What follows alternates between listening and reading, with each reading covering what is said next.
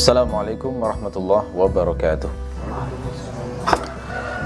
الحمد لله رب العالمين والصلاة والسلام على نبينا محمد وعلى آله وصحبه ومن تبعه بإحسان إلى يوم الدين. اللهم إنا نسألك علما نافعا ورزقا طيبا وعملا متقبلا. ربنا زدنا علما ورزقنا فهما وجعلنا من الصالحين. أما بعد. Baik, kita lanjutkan kajian kitab Matan Abu Syuja' dan topik kita pagi hari ini adalah membahas tentang bughat. Bughat. Apa itu bughat? Bughat itu adalah bentuk jamak dari kata baghi. Al-baghi itu dijamakkan menjadi bughatun, ya.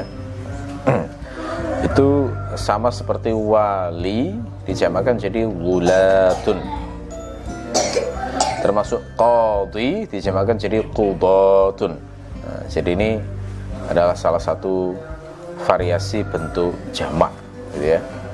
Jadi baghi dijamakan jadi bughatun ya. Baghi itu dari kata baghyun ya. baghyun itu maknanya adalah zulmun. Zulmun itu kezaliman maksudnya. Jadi makna bahasa dari baghi itu zalim maknanya mana bahasa dari baghi itu adalah orang yang zalim.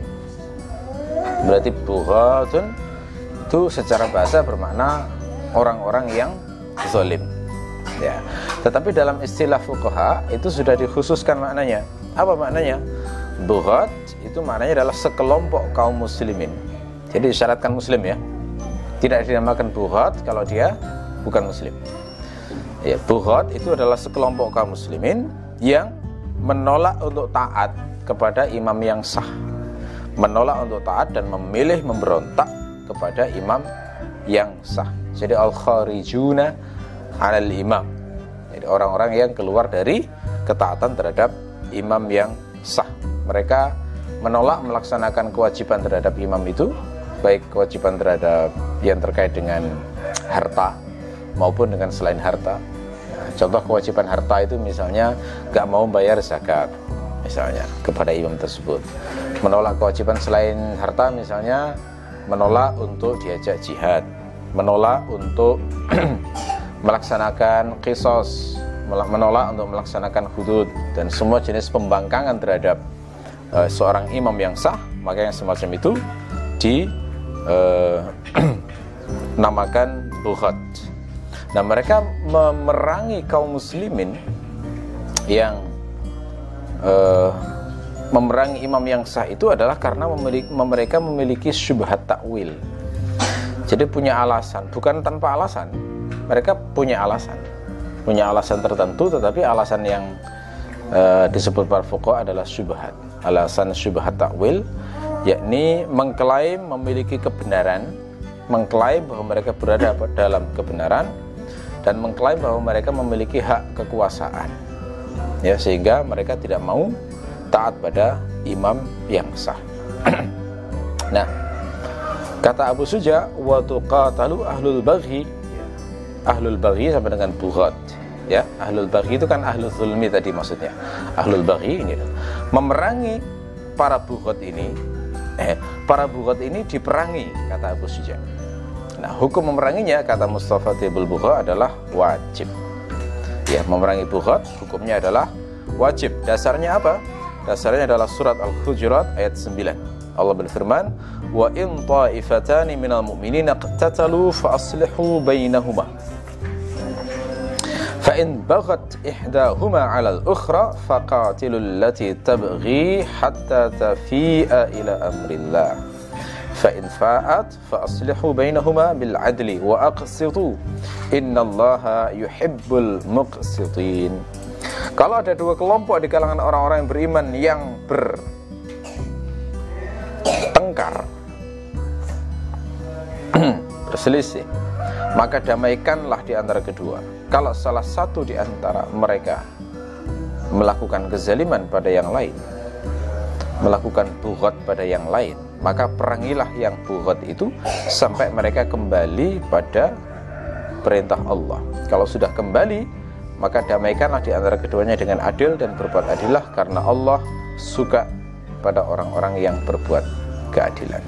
Nah, wajul istidlalnya dari ayat ini adalah Allah memerintahkan untuk mendamaikan dua kelompok. Dua kelompok muslim misalnya sampai perang, itu disuruh didamaikan. Kalau sampai terlihat satu itu melakukan kezaliman, maka yang zalim ini wajib diperangi.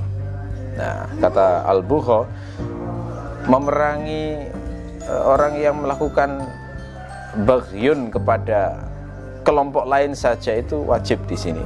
Apalagi orang yang melakukan bagyun terhadap imam gitu ya jadi konteksnya sebenarnya ini bukhotnya dua kelompok sebenarnya kalau ayat ini tetapi kemudian digali dari situ menunjukkan bahwa ayat ini e, bukhot terhadap imam itu diperangi min babi Allah lebih utama. Ya. Juga didasarkan pada hadis Nabi riwayat Muslim dari Arfajah. Beliau berkata aku mendengar Rasulullah sallallahu alaihi wasallam bersabda Man atakum wa amrukum jami'un ala rajulin wahid yuridu an yashqa asakum au yufarriqa jama'atakum faqtuluhu Barang siapa yang mendatangi kalian sementara urusan kalian sudah bersatu di bawah satu kepemimpinan seorang lelaki dan dia ingin memecah belah jamaah atau kelompok kalian maka bunuhlah dia nah, jadi ini bukhot itu dipandang me memecah belah sehingga ketika Rasulullah memerintahkan membunuh sini maka itu menunjukkan hukumnya wajib memerangi mereka. Karena hukum asal membunuh kan haram. Apalagi membunuh seorang muslim itu tidak diperbolehkan. Tapi untuk kasus buhat malah diperintahkan. Maka adanya perintah sesudah larangan semacam ini yang dikaitkan dengan korinah kehormatan seorang muslim maka digali hukum bahwa memerangi buhat itu hukumnya adalah wajib ya. Riwayat yang semakna dengan ini juga ada dalam riwayat lain di Sahih Muslim masih dari Arfajah beliau mendengar Rasulullah bersabda innahu satakunu hanatun wa hanatun faman arada an yufarriqa amra hadhihi al-ummah wa hiya jami'un fadribuhu bis-sayf kainan man kana. Sesungguhnya akan terjadi kericuhan. Kalangan umat Islam itu kegaduhan. Maka barang siapa yang ingin memecah belah urusan umat ini sementara ia sudah bersatu maka bacoklah dia dengan pedang fadribuhu bisayf bacoklah dia dengan pedang. Siapa pun dia. Kainan man itu sifatnya umum sekali. Maka riwayat ini lebih tegas lagi menunjukkan wajibnya memerangi buhat ya. Tetapi kata Abu Suja bisalah satu syarat dengan tiga syarat. Jadi wajib memerangi bukhot itu selama terrealisasi tiga syarat. Kalau satu saja misalnya syarat tidak terpenuhi, maka gugur kewajiban tersebut sehingga tidak boleh diperangi. Ya, Oke. Apa saja tiga syarat itu? Yang pertama an yakunu ala mana'atin. Mereka itu berada dalam mana'ah. Mana'ah itu maknanya kuah, kekuatan. Jadi disyaratkan bugat yang harus diperang itu adalah jika dia memiliki kuah kekuatan. Kekuatan itu apa? Kekuatan itu yang jelas dia punya pasukan. Ya, dia punya pasukan. Dia punya tempat uh, untuk bertahan, punya benteng khusus yang melindungi diri dari serangan. Mereka punya uh, menguasai kota misalnya. Yang jelas seorang imam itu tidak bisa menundukkan mereka kecuali harus memobilisasi pasukan juga, harus mengeluarkan tenaga, harus mengeluarkan biaya, ya, harus eh, bahkan meresikukan nyawa dari tentaranya. Nah, yang semacam ini sudah cukup untuk merealisasikan syarat yang pertama. Berarti mereka sudah memiliki mana'ah, punya kekuatan. Yang kedua adalah wa an yakhruju an qabdatil imam. Ya, mereka keluar dari kekuasaan imam jadi qabdah di sini maknanya adalah sultan. Mereka keluar dari kekuat, ke, ke, kekuasaan dari uh, imam atau sultan. Jadi Bukot itu diperangi jika mereka itu menyatakan diri keluar dari kekuasaan dari imam yang sah. Mereka punya wilayah sendiri, punya pemimpin sendiri, menaati pimpinannya sendiri, tidak taat imam, tidak melaksanakan kewajiban, tidak me, tidak terikat aturan oleh imam yang sah itu dan lain sebagainya. Nah, yang semacam ini berarti telah terrealisasi dari uh, terrealisasi syarat yang kedua. Ya, jadi tidak taat imam. Yang ketiga adalah wa an yakuna lahum ta'wilun sa'ir. Dan mereka itu memiliki takwil yang sa'ir. Sa'ir itu uh, apa ya? Kalau dalam bahasa Arab itu sebenarnya konteksnya digunakan untuk makanan. Ya kalau kalau saya menyebut misalnya to'amun sa'ir itu maknanya adalah makanan yang gampang masuk ke dalam kerongkongan. Makanan ada yang gampang masuk, ada yang susah ya. Kalau misalnya kita makan gudir apa gudir itu? Bahasa Indonesia-nya apa gudir? Jelly agar-agar. Ya mirip itulah ya. Puding ya kayak gitulah ya. Kalau kita makan puding itu kan gampang masuk. Gitu. tapi kalau kita makan apa misalnya? Ya makan ketan atau makan eh, apa yang terbuat dari ketela itu? Yang halus itu? Dari puhung uh, ya saya soalnya pengalaman yang makanan itu ya. Jadi makannya susah sehingga harus minum biar bisa masuk itu. Nah maka makanan seperti gudir tadi itu dinamakan to'amun sa'ir. Gampang masuknya. Nah gitu ya. Uh, sa'ir. Uh, kemudian sa'ir lalu bisa dimanai juga dengan jaiz ya jaiz itu boleh maknanya. Takwilun sa'ir itu secara umum kira-kira bisa dimaknai takwil yang memungkinkan orang memiliki pemahaman semacam itu gitu loh ya. Jadi lebih mudahnya memiliki syubhat takwil tadi. Nah, makanya gitu takwilun sair. Ini sebenarnya untuk membedakan dengan takwil batil gitu loh ya.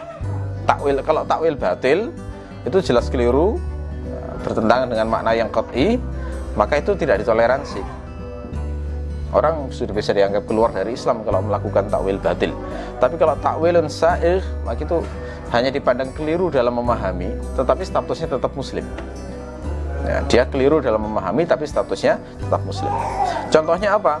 Contohnya misalnya seperti orang-orang yang tidak taat kepada Ali. Itu kan beberapa kali itu Ali diuji dengan uh, para bukhat itu. Bahkan kita bisa mengatakan bahwa pemimpin pertama yang diuji dengan bukhot itu adalah Ali bin Abi Thalib. Dan itu pas dengan kualitas beliau yang sangat berilmu ya. Diuji dengan soal yang berat kayak gitu itu kalau mungkin bukan selain Ali susah untuk menghadapi kayak gitu. Jadi Ali itu adalah pemimpin pertama dalam Islam yang diuji dengan bukhot sehingga para ulama itu kalau menggali hukum bukhot itu banyak melihat perbuatan Ali termasuk di antaranya Asy-Syafi'i misalnya. Asy-Syafi'i itu di Al-Um itu saya saya lihat di sana beliau itu istimbatnya itu banyak mengutip Ali Ali Ali gitu. Perbuatan Ali dijadikan dasar uh, untuk menggali hukum-hukum seputar bukhat ini sempat dikritik oleh sebagian ulama kok Asy-Syafi'i ini banyak mengutip Ali ya jangan-jangan Syiah gitu ya. Sampai gitu tuduhannya kemudian dibela oleh Imam Ahmad anda itu apa nggak tahu bahwa sahabat pertama yang diuji oleh uh, diuji dengan bukhot itu ya Ali itu. Padahal Allah sudah menyebut ayat tentang bukhot saat saat Rasulullah masih hidup. Tapi belum ada bukhot di zaman itu. Allah sudah menyebut di surat Al-Hujurat itu kan sudah seakan-akan Allah itu sudah memberi syarat akan terjadi ujian semacam ini. Dan nggak ada di kalangan sahabat Nabi yang yang diuji kecuali Ali ini. Lalu ada berharap pada siapa lagi Imam Syafi'i mengutip gitu Dong sahabat yang diuji buku itu adalah Ali gitu loh. Nah, gitu. Sementara uh, akhirnya terdiam yang kritik ya benar juga ya. Memang nggak ada sahabat lain yang selain Ali yang di, diuji itu. Ya. Ali itu pertama diuji dengan Muawiyah dan pasukannya. Ya. Setelah Muawiyah lalu Khawarij. Ya, jadi beberapa kali itu. Lalu kemudian diuji dengan Aisyah. Berkali-kali itu diuji dengan itu. Kalau kaitannya dengan uh, Muawiyah, waktu itu isunya adalah bahwa Khalifah Utsman itu terbunuh oleh sekelompok orang dari Mesir ya jumlahnya sekitar 40 orang itu ngepung eh 400 orang itu ngepung kota Madinah kemudian membunuh Khalifah Utsman. Waktu itu isu yang berkembang adalah Ali bin Abi Thalib itu tahu peristiwa pembunuhan tersebut, tahu para pemberontak itu, mengenal siapa mereka, tapi Ali sengaja tidak mengejar pembunuh Utsman. Kenapa? Karena Ali ridho dengan perbuatan mereka. Isunya begitu. Ya, sehingga dianggap Ali ini tidak layak untuk menjadi khalifah akhirnya. Akhirnya muncul kayak gitu dan itu termakan. Aisyah itu termakan isu tersebut. Karena memang zaman dulu kan ya belum ada alat komunikasi, nggak bisa konfirmasi, susah ya, liar sekali itu perkembangan itu. Ya, jadi dianggap sebenarnya kan sebelum Utsman, memang sebelumnya kan ada prekondisi ya. Sebelum Utsman jadi khalifah itu kan memang calon kuatnya cuma dua, Ali dan Utsman, gitu loh ya calon kuatnya cuma dua waktu itu. Sementara ada arus yang mengatakan loh yang paling berhak ya tentu Ali. Ali itu adalah sepupunya Rasulullah. Paling di kalangan Bani Hashim gitu ya. Jadi banyak alasan-alasan yang membuat Ali itu dianggap paling berhak. Sementara Utsman ada yang berpendapat loh Utsman ya juga berhak menantu Rasulullah. Dua putri Rasulullah itu juga dinikahi oleh Utsman. Dan Utsman ini orang yang orang Quraisy juga apa salahnya gitu lah ya. Sampai waktu itu akhirnya kemudian diadakan pemilu lah kira-kira pemilu untuk mengetahui pendapat terbanyak dari umat itu milih Ali apa Utsman. Ternyata mayoritas memilih Utsman bin Affan waktu itu. Akhirnya Utsman lah yang naik menjadi khalifah. Nah, ini kemudian dicurigai. Dicurigai sebagai salah satu peristiwa yang membuat Ali itu juga tidak seret dengan kepemimpinan Utsman sehingga ketika ada fitnah kayak gitu itu bukan Ali dianggap tidak punya peran untuk mencegah pemberontak itu untuk membunuh Utsman itu loh. Sehingga seakan-akan mendiamkan lah peristiwa itu kok dibiar, dibiarkan itu padahal Ali berada di Madinah itu apa penyebabnya kok diam saja itu loh. Itu isunya berkembang. Dan namanya politik itu kan ya sangat mungkin ya. Isu itu sangat liar sekali. Ya nah tapi sejarawan membantah tuduhan ini ya karena faktanya Ali itu meminta dua putranya menjaga Utsman di rumahnya itu. Jadi tidak boleh eh, jangan sampai di, di apa jangan sampai diserang oleh pembunuh. Itu itu yang terjadi. Sehingga akhirnya baik Muawiyah maupun Aisyah itu sudah memandang bahwa Ali ini melalaikan hukum Allah ketika tidak mengejar pembunuh Utsman melalaikan kisah Nah, ayat yang dibawa adalah waman lam yahkum bima anzalallah faulaika humul kafirun. Siapa yang tidak berhukum dengan hukum Allah, maka mereka adalah orang-orang kafir. Wah, gitu ya sudah ya.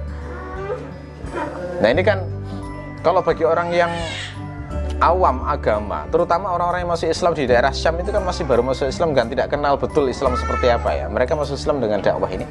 Dibawakan ayat gini langsung oh iya iya ya bener-bener ini berarti ini menyimpang orang ini pemimpin menyimpang sudah nggak wajib taat lagi pemimpin semacam ini akhirnya gampang oleh Muawiyah itu mudah di di apa dimobilisasi untuk me, menyerang Ali ya gitu. Jangankan Muawiyah dan pendukungnya, Aisyah istri Nabi aja termakan isu itu. Aisyah, gitu ya. Tapi memang kalau kisahnya Aisyah ini memang ada sedikit sesuatu ya dulu dengan Ali itu masalahnya ya kaitannya dengan Aisyah. Dan ceritanya Aisyah itu pernah diuji dengan kisah hadisul ifki. Aisyah itu pernah di, diuji dengan dengan tuduhan se, anu, apa, selingkuh dengan sahabat yang bernama Sofyan bin Al-Mu'attal. Waktu itu Aisyah ikut perang Nabi, perang Bani Mustalid, terus Aisyah itu izin untuk buang air gitu, terus kembali kalungnya hilang. Nah, kemudian izin mencari lagi kalungnya di tempat beliau buang air. Setelah dicari ternyata pasukannya sudah berangkat pergi gitu loh. Sudah berangkat pergi karena disangka Aisyah sudah naik sekedupnya itu. Kan istri Rasulullah itu kan ditandu gitu ya. Di, di, diangkat ditandu. Padahal Aisyah itu masih masih mencari kalungnya. Akhirnya ketinggalan. Akhirnya kan Aisyah mikir kalau saya nyusul belum tentu ketemu. Saya tunggu saja di sini. Biar mereka kalau tahu kehilangan saya, saya akan di, dicari lagi ternyata kemudian e, setelah tak lama kemudian datanglah seorang laki-laki sahabat bernama Sofwan. Terus loh kok ini ada istri Rasulullah? Akhirnya kemudian diantarkan. Diantarkan ke Madinah. Begitu diantarkan langsung para orang munafik itu menjadikan isu wah ini Aisyah berdua-duaan dengan Sofwan. Ini pak nggak mungkin ini Aisyah masih muda Sofwan masih muda nggak mungkin nggak ada apa-apa. Akhirnya kemudian terjadilah tuduhan perzinahan itu sampai Rasulullah itu nggak tahu kebenarannya bagaimana saking kuatnya isu itu ya nggak tahu itu zaman itu tuh sudah ada lambe-lambe turah mungkin ya jadi banyak isu-isu yang membuat sesuatu yang hoax itu tampak nyata gitu kira. Sampai Rasulullah itu bingung sendiri. Sampai beliau itu kemudian manggil beberapa sahabat Nabi. Seorang sahabat Nabi ditanya, "Gimana menurutmu Aisyah itu?" Sampai gitu. Kemudian sahabat Nabi mengatakan, "Wahai Rasulullah, saya tidak bersaksi kecuali Aisyah itu adalah seorang wanita yang baik." Terus Ali ditanya, "Gimana Ali menurutmu?" Nah, Ali jawabnya gini, "Wahai Rasulullah, wanita itu kan banyak." Kalau engkau ceraikan dia, engkau bisa mencari lagi wanita yang lain. Nah, enteng sekali jawabannya Ali. Nah, nampaknya itu salah satu faktor yang membuat Aisyah itu jadi agak gimana itu dengan Ali. Setelah peristiwa itu nggak mau nyebut nama Ali lagi. Aisyah. Ya. Ya bisa jadi ini pengaruh juga ya hal kayak ini, tapi Allah alam ya kita uh, saya agak khawatir juga ya menjelaskan kayak begini. Cuma saya menjelaskan fakta beberapa peristiwa terjadi di masa itu itu Aisyah itu termakan akhirnya kemudian memerangi Ali dengan itu. Ya, tetapi Ummul Mukminin Aisyah adalah seorang wanita suci yang dibela oleh Allah. Turun ayat untuk membersihkan beliau. Yang jelas beliau itu uh, melakukan ijtihad waktu itu meskipun ijtihadnya keliru, tetapi Allah uh, mengampuninya, insya Allah. Ya, semacam itu.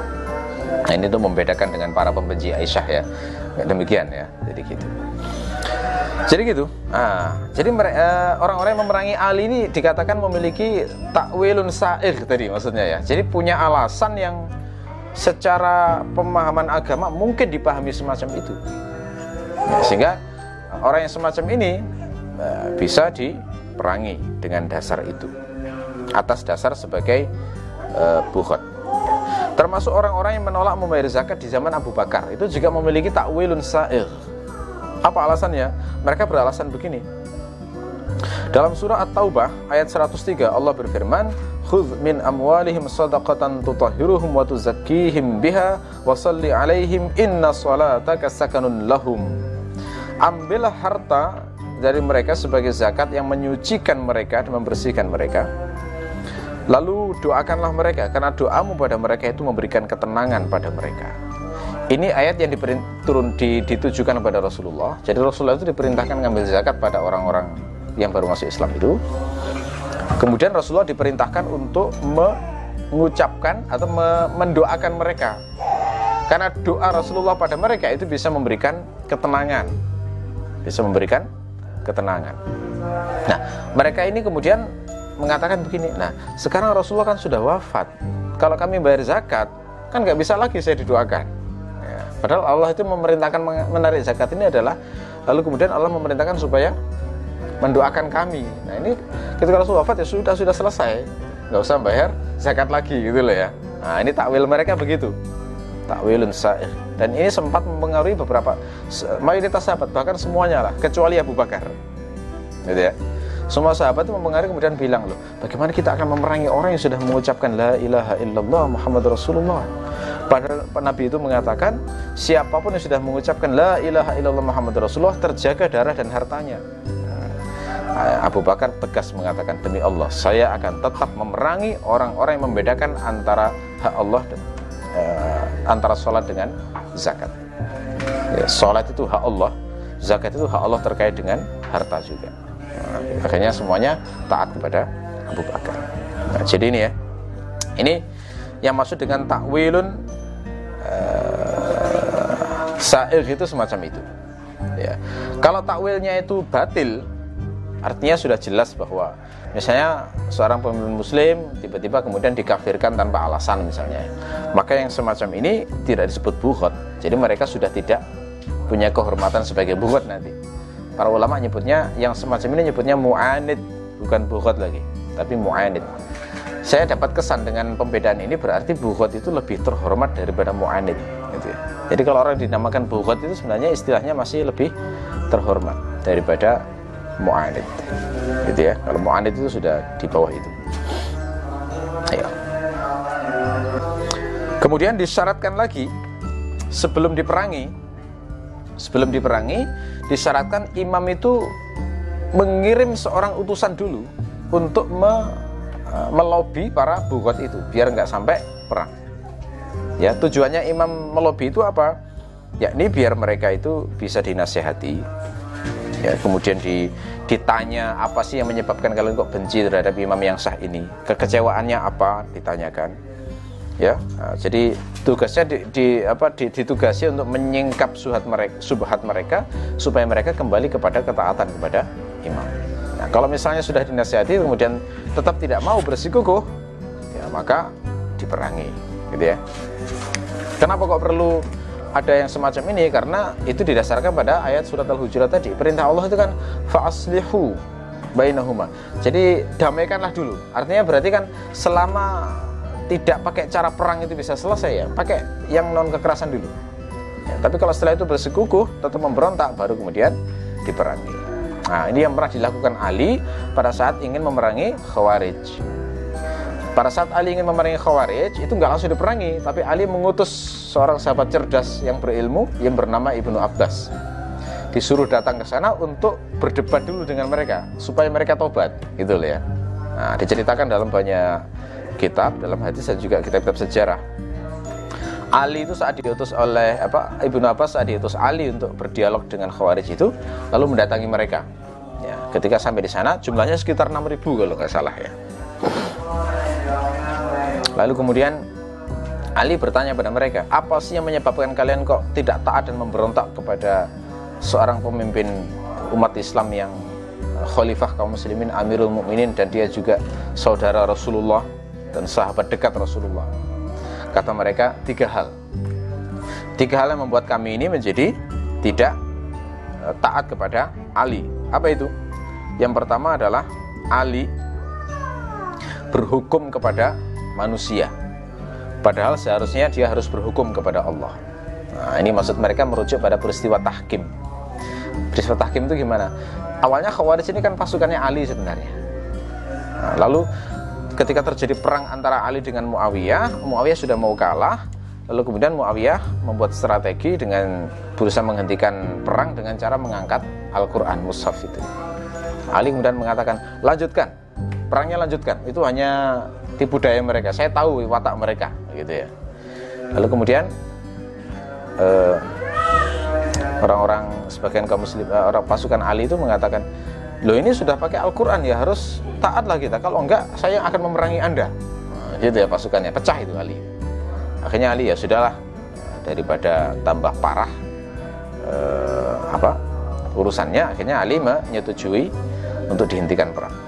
Nah, ketika berhenti perang, maka Muawiyah punya kesempatan untuk memobilisasi pasukan. Lalu kemudian waktu itu dilakukan majelis arbitrase untuk mendamaikan. Ali mengutus Abu Musa al-Ash'ari, lalu kemudian Muawiyah mengutus Amr bin al-As untuk membicarakan persoalan itu. Gitu ya. Nah, ini dipandang Khawarij berarti berhukum dengan hukum manusia. Gitu ya. Padahal sudah jelas kata orang-orang Khawarij ini kalau memerangi imam itu kan harus dibunuh. Kenapa kok nggak pakai hukum Allah dalam urusan ini? Nah, ini menunjukkan berarti kufur ini sudah. Maka layak untuk diperangi. Oh itulah cara pikir Khawarij itu kayak gitu ya. Ekstrim keras. Jadi punya dalil gitu lah. La hukma illa lillah. Tidak ada hukum kecuali milik Allah. Itu dipakai untuk memerangi Ali di zaman itu. Ya gitu. Itu sebab yang pertama. Sebab yang kedua yang membuat orang-orang Khawarij itu membenci Ali adalah bahwa Ali itu memerangi tetapi tidak menawan dan tidak meram, tidak menawan dan tidak mengambil rampasan perang. Nah, ini merujuk pada peristiwa perang Jamal. Saat perang Jamal kan berperang dengan pasukan Aisyah, tapi ketika menang itu wanita-wanitanya tidak ditawan, hartanya tidak dirampas gitu loh. Nah, ini mengecewakan orang-orang Khawarij. Gitu ya. Lalu kemudian sebab yang ketiga adalah karena Ali itu menghapus uh, ridho untuk menghapus statusnya sebagai Amirul Mukminin. Kisahnya kan di saat peristiwa tahkim itu kan uh, saat terjadi dialog antara Abu Musa al Ashari wakilnya Ali dengan dengan Amr bin al As wakilnya Muawiyah itu kan kemudian di uh, didapatkan kesepakatan ya sudah bagaimana ini enaknya nah, kemudian ya sudah gini aja kita uh, turunkan dulu jabatan Ali dari khilafah. Kemudian Muawiyah kita turunkan dulu dari jabatannya terus kita berikan kepada kaum muslimin siapa yang akan uh, dipilih menjadi khalifah yang sah. Itu kesepakatannya. Lalu kemudian uh, di hadapan orang-orang. Waktu itu Ibnu Abbas tahu trik itu adalah trik gitu loh. Kemudian menasihati Abu Musa. Kalau memang semacam itu kesepakatannya Anda harus mempersilahkan Abu Amr bin Al-As untuk pidato dulu. Jangan Anda Terus, Abu Musa itu orang terlalu husnuzon ya. Orang padahal dalam politik kan memang nggak bisa kayak begitu ya. Terlalu khusnudan orangnya lurus-lurus saja orang-orang baik gitu ya. Nggak usah nggak gitu kita. Insya Allah ini niatnya baik gitu ya. Akhirnya pidato ke atas kemudian bilang wahai kaum muslimin kami sudah sepakat untuk memakzulkan semua dari kita. Maka dengan ini saya memakzulkan Ali dari jabatan khilafah agar kalian bisa memilih siapa pemimpin yang kalian ridhoi gitu nah setelah turun maka Amr kemudian berdiri kemudian pidato. Nah, kalian sudah mendengar bahwa Ali sudah dimakzulkan.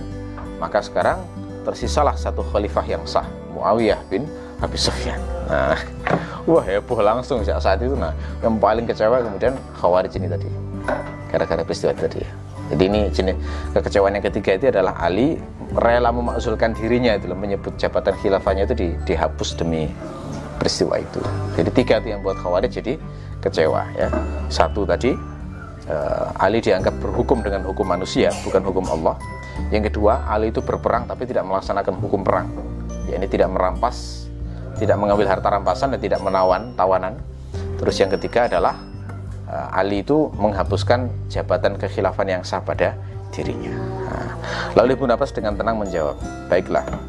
Sekarang bagaimana kalau saya bisa memberikan jawaban dari Al-Quran terkait semua keberatan kalian ini? apakah kalian itu nanti mau bertobat dari kekeliruan paham kalian ini mereka mengatakan ya saya siap nah, terus yang pertama Ali mendapat kemudian Ibu Abbas mengatakan adapun yang pertama kalian keberatan ketika Ali mengangkat eh, beberapa orang untuk menjadi hukum terhadap menjadi hakim dalam satu kasus perselisihan. Maka sesungguhnya Allah berfirman dalam surah Al-Maidah ayat 95 Ya ayyuhalladzina amanu la taqtulus sayda wa antum hurum wa man qatalahu minkum muta'ammidan fajaza'un mithlu ma qatala minal Naam yahkumu bihi dhu adlin minkum. Wahai orang-orang yang beriman Janganlah kalian membunuh binatang buruan Sementara kalian sedang berikhram Barang siapa yang membunuhnya secara sengaja Maka balasannya adalah dia harus mengorbankan hewan yang semisal Yang diputuskan oleh Eh, zawa adlin dua orang adil di kalangan kalian. Ibu Abbas mengatakan coba ini hanya karena urusan uh, seekor hewan seekor kelinci. Itu saja Allah mengizinkan untuk diputuskan dua orang laki-laki adil. Ya padahal itu hanya darahnya kelinci. Masa hanya untuk mencegah pertumpahan darah kalau kaum muslimin tidak boleh uh, meminta keputusan dari Eh, laki-laki adil di kalangan kaum muslimin. Nah, ya kemudian uh, dalam ayat yang lain Ibnu Abbas mengatakan wa in khiftum syiqaqa bainihima fab'athu hakaman min ahlihi wa hakaman min ahliha. Kalau kamu khawatir pertengkaran di antara mereka berdua, maka utuslah penengah dari keluarga laki-laki dan penengah keluarga wanita. Nah, jadi dalam hukum Islam kalau suami istri bertengkar sudah diambang perceraian maka boleh laki-laki menunjuk jubirnya di kalangan keluarganya wanita menunjuk jubirnya di kalangan keluarganya untuk memusyawarahkan nasib mereka gitu ya. Kata Ibnu Abbas nah ini hanya sekedar untuk mencegah perceraian aja. Boleh mengangkat keputusan e, seorang laki-laki keputusan orang gitu ya. Maka ketika Ali mengutus Abu Musa itu sesungguhnya lebih luhur tujuannya lebih syar'i. Kenapa? Karena tujuannya adalah menjaga tertumpahnya darah kaum muslim wah terbungkam mereka ya. Diam ya juga gitu ya. Percaya.